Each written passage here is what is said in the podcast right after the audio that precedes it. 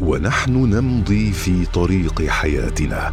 نمر على نقاط مهمة قد نغفل عن أهميتها أو تكون خارج نطاق رؤيتنا. نقط عمياء مع إبراهيم العجمي. أهلا بكم مستمعينا الأعزاء في حلقة جديدة من حلقات برنامج نقط عمياء. في نسخته الثانية والذي نتطرق في كل حلقة من حلقاته إلى أمر مهم قد نغفل عنه في مفاصل حياتنا ويكون خارج نطاق رؤيتنا فنمضي في ممارسته فيشق علينا فعله أو يحرمنا الترك فوائده.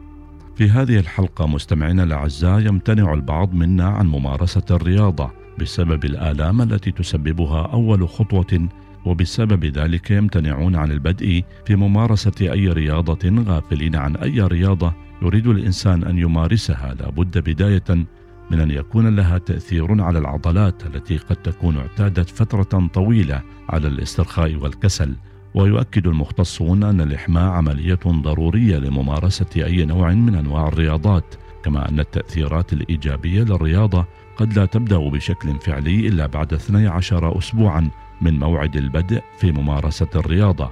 ويهدف الإحماء إلى إعداد وتهيئة أجهزة وأعضاء الفرد المختلفة بطريقة منظمة وتدريجية لتحمل اعباء الحمل المقبل بما يضمن عدم حدوث أي إصابات. وعملية الإحماء تنبه جميع أجهزة الجسم للقيام بوظائفها وتكسب العضلات المرونة والليونة اللتين تحتاجهما للقيام بالرياضة وتزيد كمية الدم المتدفق إلى الجسم نتيجة زيادة سرعة ضربات القلب وتزيد سرعة الدورة الدموية في الجسم نتيجة تنظيم عملية التنفس وزيادة سرعتها ورفع درجة حرارة الجسم كما تجنب التعرض لبعض الإصابات الرياضية من قبيل التمزق أو الشد العضلي. كما أن الإحماء والذي يسميه البعض بالتسخين يحسن عمل الجهاز العصبي ويمكنه من سرعة الاستجابة ويرفع مستوى التنظيم والتفوق الحركي ويحسن عمليات التمثيل الغذائي في الجسم ويستنفر أيضا أقصى استعداد نفسي لمباشرة التدريب كما يطرح أهل الاختصاص طرقا للإحماء تختص بكل رياضة كالسباحة والمشي والجري ولعب كرة القدم وغيرها من الرياضات المعروفة والتي يمكن أن تمارس بين الأزقة والمنازل وفي المتنزهات والحدائق وعلى الشواطئ والسواحل.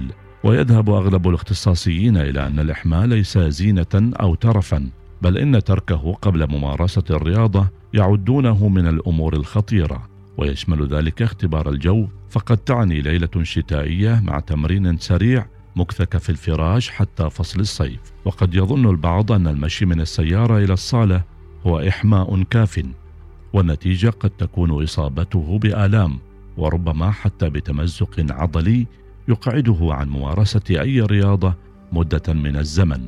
إذا ما يدفع البعض إلى الإحجام عن ممارسة أي نوع من أنواع الرياضة هو البداية الخاطئة. والمفاجئة فجسم الإنسان الذي تعود على الكسل والاسترخاء يحتاج إلى تهيئة قبل إقحامه في عمل أو جهد لم يتعود عليه ما يتسبب في إصابته بشد عضلي أو تمزق في إحدى عضلات الجسم. وبالتالي الشعور بألم قد يظل مدة من الزمن ولجهل بعضهم يتوقف عن الرياضة كي يستعيد جسمه الحالة السابقة من الاسترخاء. ما يوقعه بشكل مزمن في مشكلة عدم الاستمرار في العمل بسبب النتائج الأولية له ومن الحلول التي يضعها المختصون لأولئك الذين يرغبون في ممارسة أي نوع من أنواع الرياضة أن يبدأوا بالرياضة البسيطة والمتدرجة إلى أن يصلوا إلى المستوى الذي يمكنهم من ممارسة الأنواع الخشنة والثقيلة والتي تحتاج إلى أعصاب وعضلات مهيئة تهيئا كاملا وشاملا.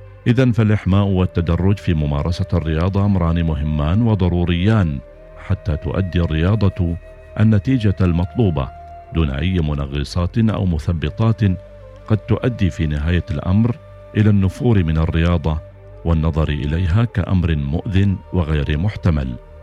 في هذه الحلقة مستمعينا الأعزاء وجهنا الضوء على نقطة من النقاط التي يغفل عنها البعض أو تكون خارج مجال رؤيتهم.